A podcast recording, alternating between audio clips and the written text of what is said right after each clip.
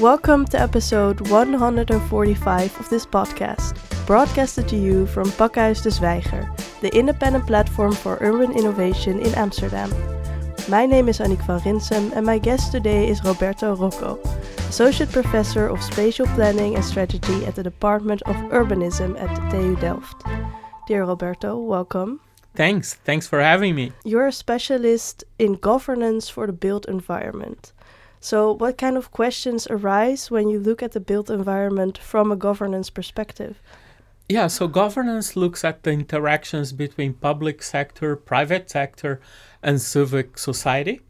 And uh, it does so within um, formal framework, so all the regulations, laws, plans that we have, but also via the informal institutions. So, um, informal ways of doing things, cultural uh, tweaks, and, and things like that. So, we, we look at those interactions to understand who does what when. That's, that's what uh, the question is. And can you give a concrete example of one of these interactions? I have a, a, a student at the Amsterdam Metropolitan Solutions Institute uh, who's doing work on uh, energy transition in the housing um, in the housing sector in Amsterdam and she looks at the interaction between the municipality, the businesses, the uh, uh, housing uh, associations, the little entrepreneurs, the little businesses, and uh, by doing so, you discover lots of things, right? You discover uh, where the uh, where the obstacles are, where the you know. Wh- where people where things don't go well and where things do go well and you want to to encourage them and how does that then differ from uh, governance per se like what does this uh, spatial uh, built environment perspective change the nature of the things that you study? Oh, that's a very interesting question. Actually, it doesn't so much. Um, the built environment is just the, the, the place where governance um, happens and I am interested in the built environment. So I look at these interactions and how uh, how they work to produce uh, our cities, right? To to to uh, produce uh, the built environment.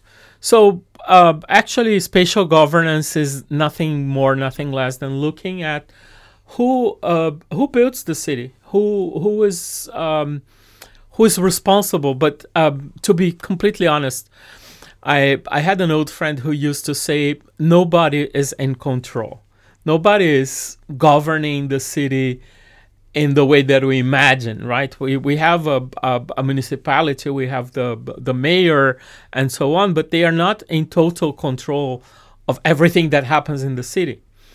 And governance allows you to understand uh, uh, this complex mesh of stakeholders and actors that interact to build the city in a more um, complex way than we would normally think about it. Yeah, because you are also trained as an architect and an urban planner. Yes. So when did you uh, found out that like governance is a thing that you are interested in, and is this something that flows naturally out of urban planning and architecture, or is this something uh, rather odd for other art- architects, for example. Governance is at the core of spatial planning, which is my specialty. So we we uh, we try to understand who does what when, to be able to design better processes. But I have to say that um, I moved away from um, architecture in a way because I got disappointed by the way that architects were looking at buildings as objects and not as interac- interactive uh, places. places or you know uh, things that are produced by um, a multitude of actors.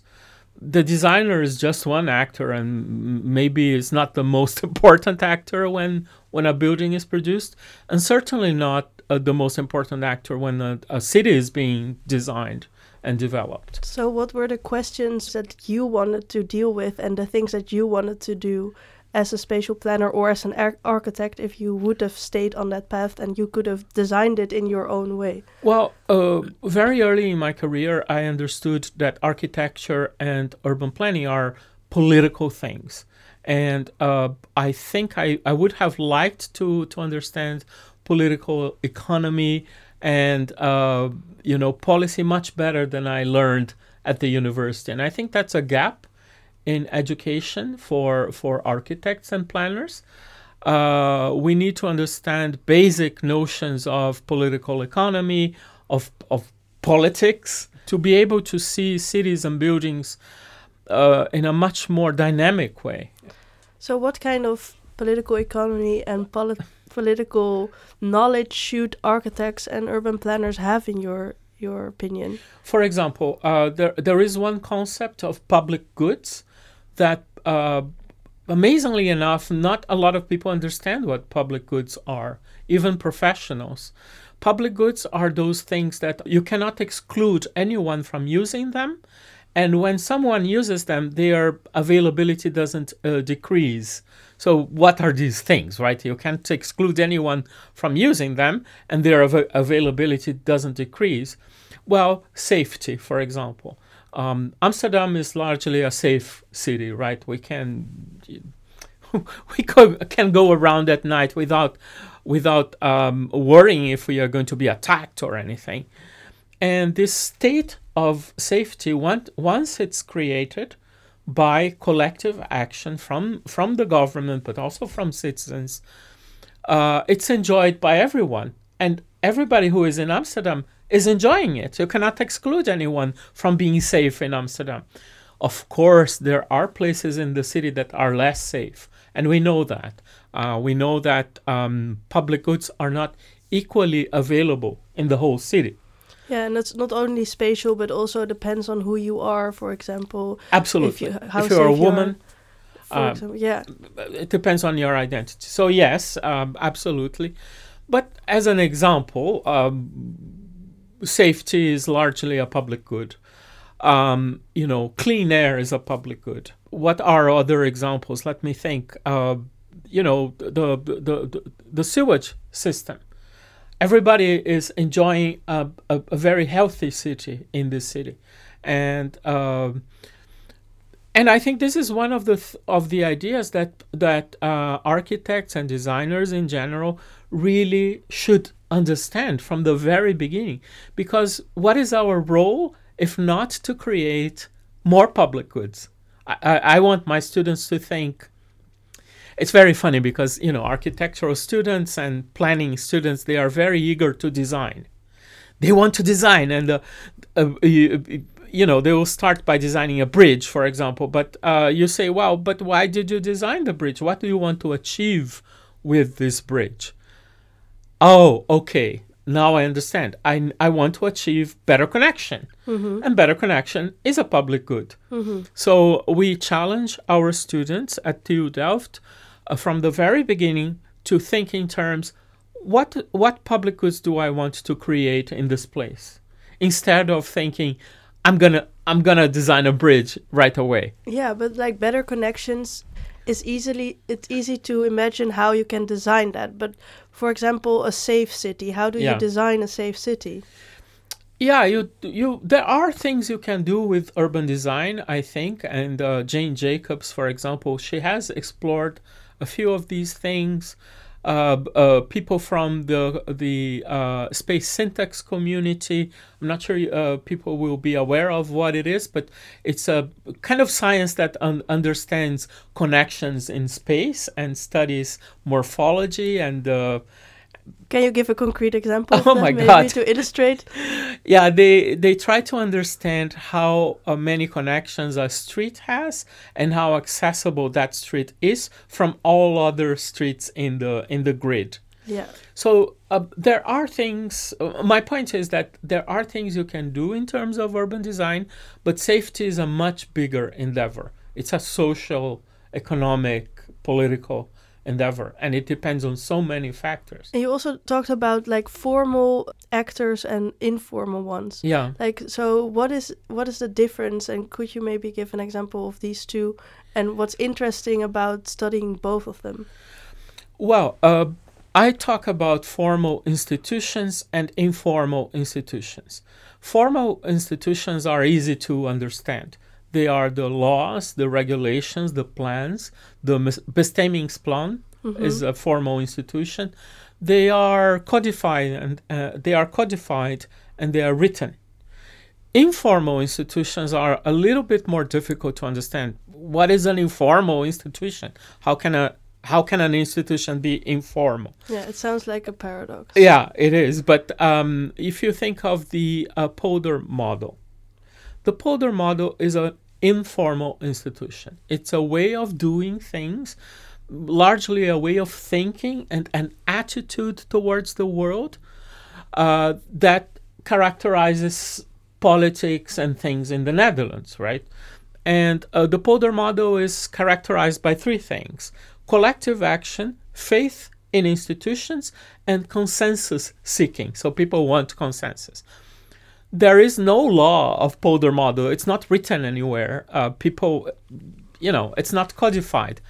It comes from really the culture of this place. Yeah, tradition. Yeah. And so, do you think the Pol- Polder model is kind of declining in influence nowadays? I think so. Yes.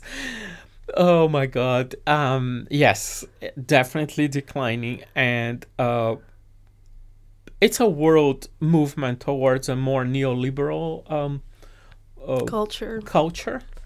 And I think the Netherlands has not escaped that. And uh, a more neoliberal uh, culture and attitude entails less of the things I just described. Mm. So, less faith in institutions, less consensus seeking, and less collective action. Um, neoliberal thinking is largely based on rational choice theory, which is the theory that says that given a choice, you will always make the choice that benefits you. So it's largely based on self interest. Uh, this undermines um, models like the Polder model, actually because um, uh, it undermines uh, largely a democratic sphere.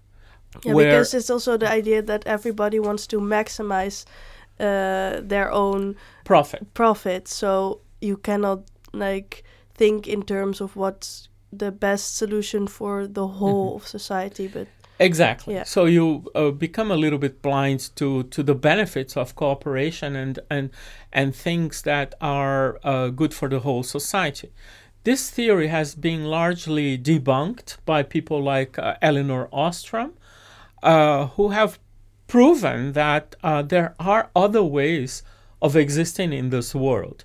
It's not that uh, rational choice theory is wrong. It's largely right. People are self interested, they want their own benefits, but they also cooperate with each other. They love each other, they take care of each other, they uh, seek the benefit of others, they want others to flourish. But yeah, so you could maybe say that people are self interested, but what these kind of theories see as being self interested doesn't include the way in which we are actually self interested because we our self interest also includes that we want others to thrive, that we want our loved ones to be happy. And also, I would argue that no, not everyone is very able to always act in their self interest. People also do things that are kind of counter their self interest. Exactly. There are lots of other ways of existing in this world. A mother uh, seeks her self interest by loving, caring uh, uh, for her child, for example, right? Uh, but if you see a child uh, walking alone in the street and you see that that child is going to cross the street, even if it's not your child, you're going to protect them. You are going to do something, hopefully, right? I think most people would do something um, and would interfere. We have a duty of care towards our fellow human beings in this world. And this duty of care uh, also plays a very big role. I think uh, Dutch society was very big in that. was really a, a caring society. Uh, I'm, I'm, I, ho- I hope I'm not being romantic. I, I'm not trying to romanticize Dutch society. But I think uh, previously um, there was much more care. And now we are moving away from that. We are moving towards a more self-interested uh, kind of politics, even. And what kind of yeah um, data do you have to to back up? I don't. Uh, I don't. I, I don't. But we see largely in how cities are planned and designed that there is a, a bigger and bigger prevalence of the interests of the market. Um, we see how uh, the housing uh, sector, uh, the social housing sector, is not being supported by the government as it should. Uh, we see that um, people have more and more difficulties to access decent housing. And I think these are signs sure signs that uh, things are in the wrong direction. So, and how do you deal with that? Do you um, kind of think this is just the way our society now works and we have to deal with that? Or are you trying to conceive of ways to maybe alter this direction or maybe get out of this line and kind of make a curve? Sure, I would love to get out of this line of this of this uh, movement but it's a global movement. It's something that is happening all over the world. Uh, why is it happening? Uh, I don't think anyone actually knows. The power of profit, the power of self interest, as we were saying, is very big. Um, uh, we see how uh, money is more and more concentrated in the hands of few people. Uh, what am I trying to do? Uh, I try to raise awareness among my students of things like public goods, uh, of things like care for future generations, care for the planet, care for those who are less fortunate than us. Um, so I personally, as a as an educator, I try to change the mind mindset of of people but it's not easy because uh, people are very uh, skeptic, they are cynical, they don't believe in governments anymore. Um, I think our governments have failed us so many times that people are um, are tired. But once you get tired of governments and democracy, then we step into something much darker, I, I believe. And uh, which is? which is populism, which is totalitarianism, totalitarianism, extreme right wing um, ideologies, fear of those who are different from us, fear from foreigners and migrants, for example, and so on, right? We have so many things happening. Of course, we know that political forces will exploit those fears and we'll use them. Now, what can we do? Uh, I think that we need to look at science and knowledge and facts much more deeply and carefully. But yeah, what is science and knowledge and facts? Because we we just talked about this rationalization theory, yeah. Um, but we already established that it's just a a model and probably in in in a big respect also a faulty model. So yeah. what kind of models are you looking towards to actually grasp reality and actually study facts? Yeah. Um, yeah. Well, look, uh, there is an empirical world out there. The world exists independently of us. I, I want to believe, right? No, not everybody. not so. everybody thinks like that. I know. Um, however, uh, empirical reality is not everything. I used I used to have a friend who said reality is overrated. Uh, people have values. They have imagination. They have uh, fears. Okay, so maybe there exists a world ex- outside of us, but that's not everything. There's also yeah. our mind and our perceptions, and they actually do influence. They do very, very much. You yeah. are right. Um, but I think uh, in order for us to be able to act together, we need to agree on certain truths. We will not be able to act against climate change if we don't agree that climate change exists and that it's caused by us. Uh, and by the way, that's one of the things that lots of people don't believe, right? Um, we are not going to to to uh, uh, combat um, COVID in the way that we should do if people don't believe that COVID is A thing. a thing and that vaccines I I hesitate to say that but it seems evidence suggests uh, science suggests and I want to be careful because science is not everything as we have established but science suggests that vaccines work. Hmm um, so we need Why to are you care- careful about saying that? uh, because I know that uh, some people are very cynical about that and say, "Wow, you actually we don't know what's going to happen in three years uh, f- uh, with those who took the vaccine." True, we don't know. However, 'Cause we, also don't know what's going to happen with people who didn't take the vaccine. exactly, exactly, exactly.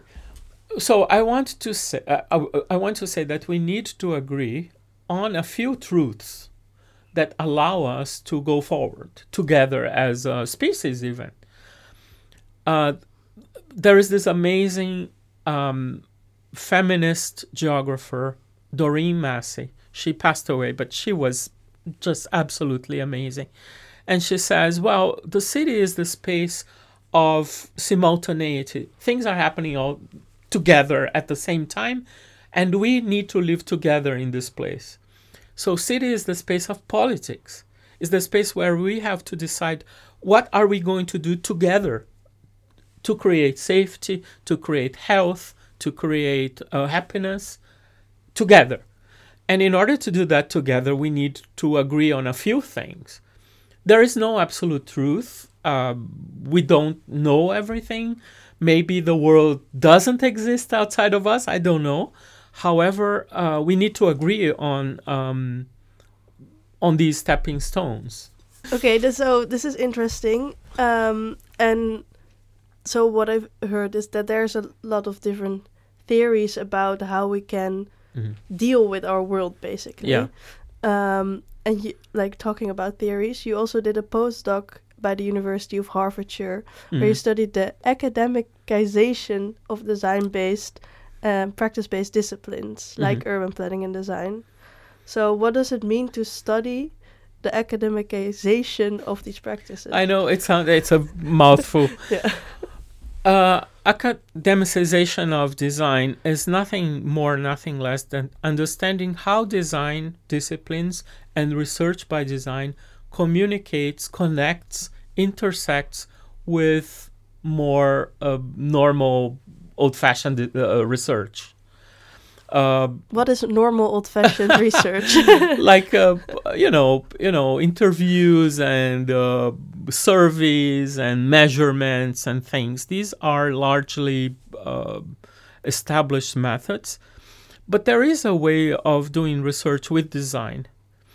The problem with design i would say is that there is a slight fetishization of design by designers themselves which uh, blocks us from understanding design for, for what it is for so, for example, the the architect that wants to build a bridge without thinking what it's gonna do to the Exactly. city. So, uh, uh, designing a bridge without understanding, uh, you know, what is the function of this bridge? What are the public goods I'm going to create? What's the need? What are the, the you know, there is the whole political, economical, social world that exists out there outside of the head of the designer and which the designer should learn from, right? So, um, what I'm trying to say is that um, design is largely fetishized, I think, by designers themselves, and it's made to appear something almost. Uh, almost sacred almost uh, like a you know geniuses are designers when in reality everybody is a designer uh, and designers themselves especially urban designers and others don't have all the information they need to access that information from Why why is everybody a designer? we are constantly designing things um, not objects maybe, but we are designing trajectories. We so are you are, you do think that their world is not independent of us? oh yeah, oh my god, you got me there. But um, yeah, I think what I'm trying to say is that um, you can't design anything alone. You you design with people.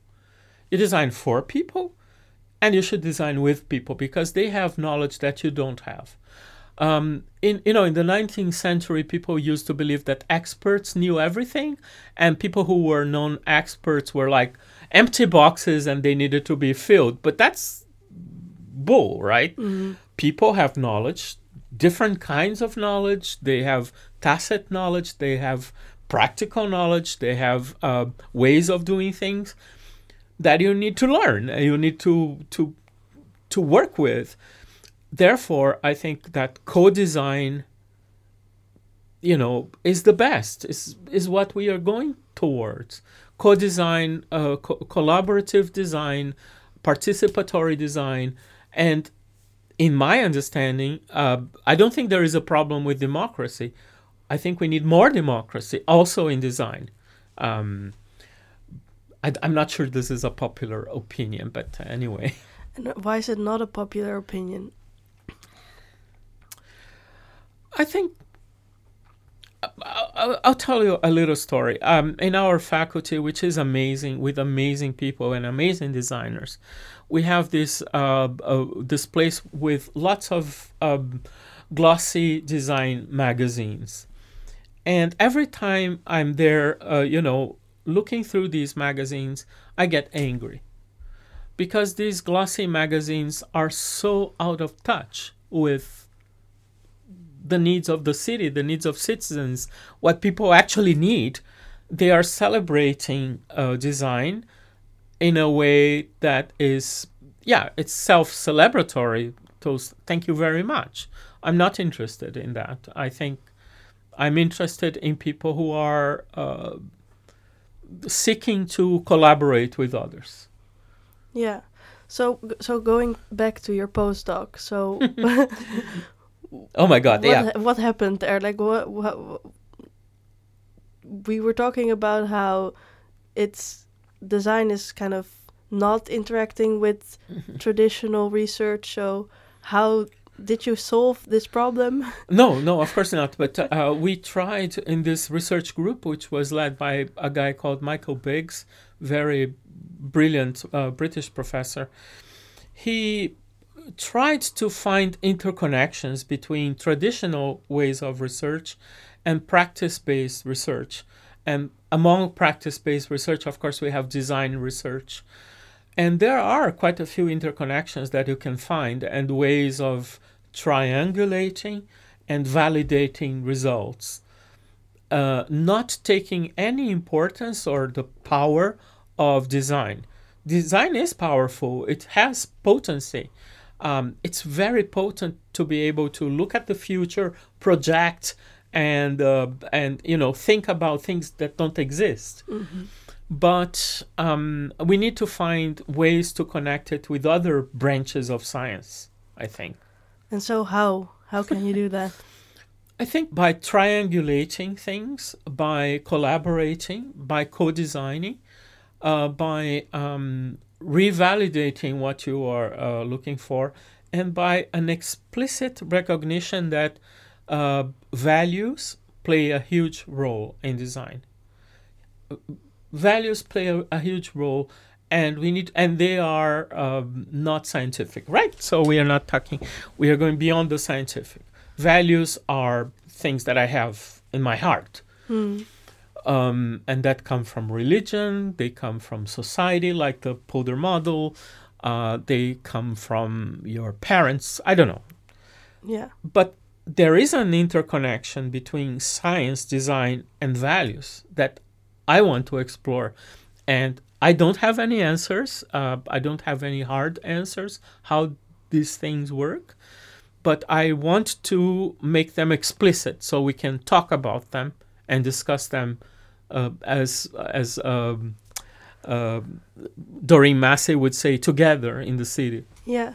So one thing that you, for example, make explicit um, when we have t- when we we're dealing with the transition towards more sustainability, Mhm. that we should also focus on spatial justice and social sustainability. Exactly. So, um, how can we best understand these ideas like spatial justice and social sustainability?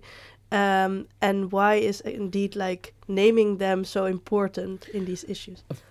Thank you for this question because this is excellent. Um, sustainability has many dimensions and there are different models of sustainability. You can model it the way you want, but uh, people generally say that sustainability is composed of three crucial dimensions social, economic, and environmental. Environmental sustainability is more or less known. We, we know that we want, we need to preserve uh, the systems, the natural systems of our planet, our fellow animals, and our fellow beings that uh, live in this planet with us. We know that economic sustainability is largely about, you know, making things profitable and at least sustainable over some a long period of time. But what is social sustainability? This is less explored. And what I try to argue, and before you ask me, I don't have any data proving that, but uh, I think social sustainability really relies on justice because justice will allow, um, first of all, for a, a, a, a, a good distribution of the burdens and the benefits of development so if i want to have a sustainable sustainable development i need to be able to fairly distribute the benefits but also the burdens of that development Uh, if you have justice um, it's not only the right thing to do but you have more acceptance you have more compliance so people do what they are supposed to do because they think okay this makes sense it's fair I will do it. And it helps with the sustainability of policy. Justice has a lot of benefits beyond the moral uh, imperative. There is the moral imperative let's do the right thing and distribute things in a fair way in the city, for example. But if you have justice, you have sustainable policy. You have things that are able to continue over time. If things are unjust, people will bre- rebel. They will. They don't want. Or, or So But- what you're saying is the only sustainable trajectory is a just trajectory. thanks for saying that. Yes, exactly. I'm saying that exactly. That's what I. f- That's what I feel. Um, the only sustainable trajectory is a just tra- trajectory. I'm gonna use this. But um, look, if we don't have governments that understand that, how are they going to deliver sustainability? How are they going to deliver the uh, sustainability transition? I I can't see a government that doesn't understand that justice is at the core of sustainability. How can then they, they deliver it? I think can't. don't think so. So uh, a lot of uh, of um, of course we know that a lot of what's happening towards uh, sustainability happens at the level of discourse, and nothing actually is happening in the world. So people are talking about the transition and circular economy and all these very important uh, concepts how do we make them into practical policy that can be implemented by you and I? By So how do you do that, for example, as an urban planner or as an architect? yeah, exactly. Well, uh, at least uh, in urban planning, we have the ability, I think, um, to think about ho- where to create, how to create public goods, as I explained, and public goods are a way to deliver justice. I think, um, and we can think and design processes of participation in which the likelihood of justice is bigger. Because if you have several hands, several people interfering in how a policy is designed via, participa- via participation, the likelihood of justice is, is bigger, I think. And I again I want to be a little bit careful when I'm saying that because we know that there is political manipulation, there is you know disinformation. So asking people what they want to do is not exactly how you are going to get there. Um, you have to co-learn with people how to tackle problems. You're also co-learning with together with your students, and you. Uh, oh my God, uh, they don't know that, but I learn much more from them that than I teach them. Um, I know it's a cliche, and every teacher will tell you the same, but teaching is the way to learn. So one of the th- ways in which you like put this learning into a project is a manifesto for a just city. Exactly. A book that brings together ideas on how to reimagine what a just city is. Mhm. Could you tell us a bit more about this book and when you came up with this idea? Well, as I was telling you, um, I think uh, one of the big problems of our our world today is really um, cynicism, skepticism, and distrust. We are accustomed to think that things are not going to work, that politicians are horrible, that everybody is, you know, horrible and things are not going to work. But I think as a species, we have invented a few things that exist uh, for us. Justice is one of them. The idea of justice is one of the things that we have come, we have invented, right? It, it doesn't exist in nature. If the sun explodes tomorrow and kills all of us, it's not unfair. It's just how things work. So how how did I come up with this idea of the manifesto, which I did with my friend and colleague uh, Caroline Newton from the Department of Urbanism? Uh, we wanted to um, encourage students to get away from this uh, mindset of skepticism and and to think to try to imagine a better world. So my original uh, uh, argument is we are able to invent orders, uh, invented orders, invented uh, ways or ideas that don't exist in nature. We can imagine a better world. We can imagine a world where there is care. Care exists in this world. People care for each other all the time. So um, we want to, using the words of uh, of another another amazing woman, uh, Faranak Miraftab from the uh, University of Illinois. She wants to decolonize students' minds so that they can imagine different orders. Um, I think capitalism. I don't want to discuss whether it's good or bad, or but it is not uh, good for the planet at in its present state. So the present uh, uh, economic uh, the Order or system or System. whatever culture. yeah, it's not helping us and our relationship with the planet. So, how can we imagine a better one? I don't have an answer. Um, uh, the students are also trying to find answers, and they have uh, insights when they write manifestos. And at least they're thinking, okay, how can I propose something new that is better than what exists? I will tell you uh, that it's not easy. Students are shy, they are afraid, they don't want to They're to crying when they write it. probably they don't want to appear um, Naive. naive Stupid.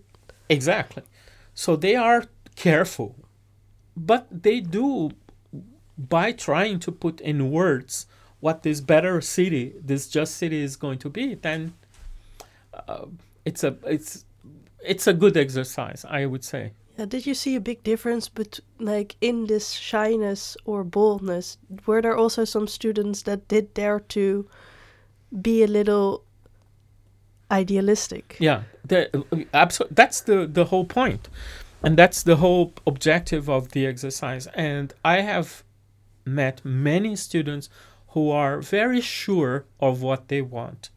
I have met a few female students who really understand patriarchy and how it works and want to change it.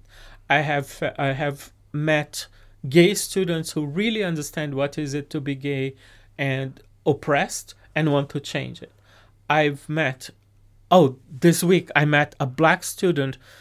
I mean, she really knew what to do. I mean, I was flabbergasted at how clear uh, the path was for her because she knows the problem.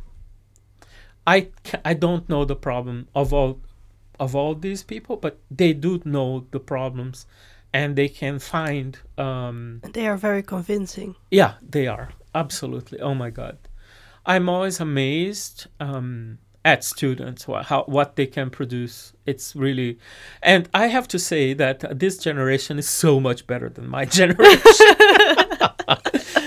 so we are in the right direction somehow and what makes them better in your opinion oh they are less judgmental they are more comfortable with being different they are more aware of the superstructures that oppress them racism patriarchy and other things. And they kind of know that these things need to change. I hope that they continue on this path because, of course, when probably when people get older, they lose a little bit of this edge. But I think this generation is, is better. Uh, and so, how do you explain this better generation in this um, trend that you were describing earlier, where we're kind of turning away from thinking together. Yeah. I think they are going to revert it. I think I hope that they get to power quickly. Yeah. The the people who are in power right now are the people from my generation. I think I'm uh, older than Rutte.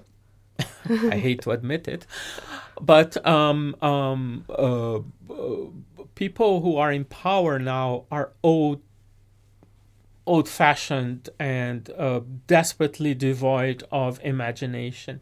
So I go back to my friend um, Faranak Miraftab, the professor.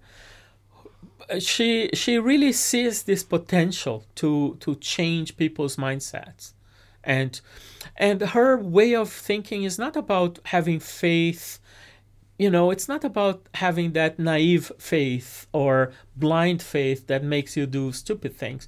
She's a very critical uh, person, and she wants people to imagine better worlds in a very critical way. So, how do you do that? By writing manifestos, for example. no, I'm joking. I think by by really learning how to think critically and I think we have a lot of people to learn from. Uh, I'm, I'm, I'm talking about all these old men who are in power right now, like Putin, and uh, we had Trump, and uh, yeah, to a certain extent, uh, a lot of old, very conservative men.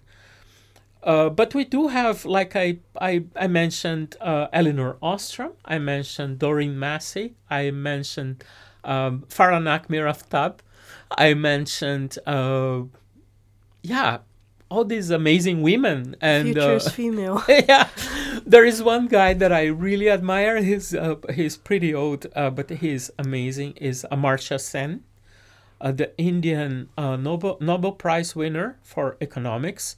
He's also a philosopher, and he is the person we need to read to understand political economy and justice uh, among many other people, among all these wonderful women that I mentioned, but uh, I, I really had I have to to cite his name so the the reader the listeners can look for his books. What's the, the your favorite book by him? Uh, the idea of justice for by far uh, he has this book called the idea of justice in which he is in conversation with uh, john rawls who is a philosopher of justice from the liberal tradition and uh, I think uh, Amartya Sen he learns a lot from Rawls, but he also criticizes him and goes a bit forward. Cool. Uh-huh. so uh, on Monday, the 13th of June, uh, we will launch the second volume of the manifesto. Yeah, what has been added to this project since the first volume came out? So we had a new set of speakers, um, among them Faranak Miraftab herself, a Professor Mariana Fix from the University of Sao Paulo in Brazil, Professor Romola Sanyal from the London School of Economics, and Professor Mona Fawaz from the American University in Beirut. and we had a much bigger response from lots of universities around the world.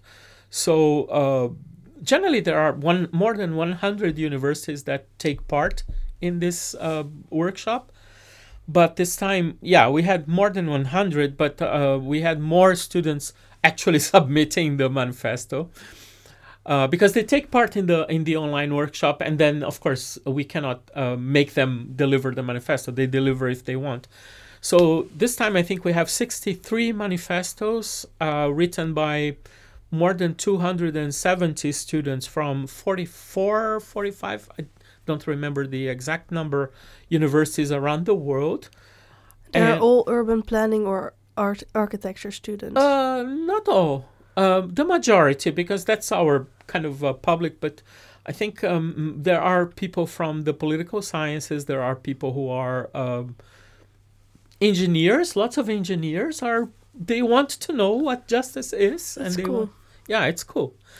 And uh, yeah, so we are very happy with the results. Me and Caroline, my colleague. Was there one or two particular or more that you can talk about that really surprised you in the new volume? Uh, yeah, one particular one is called "Woman Womanifesto.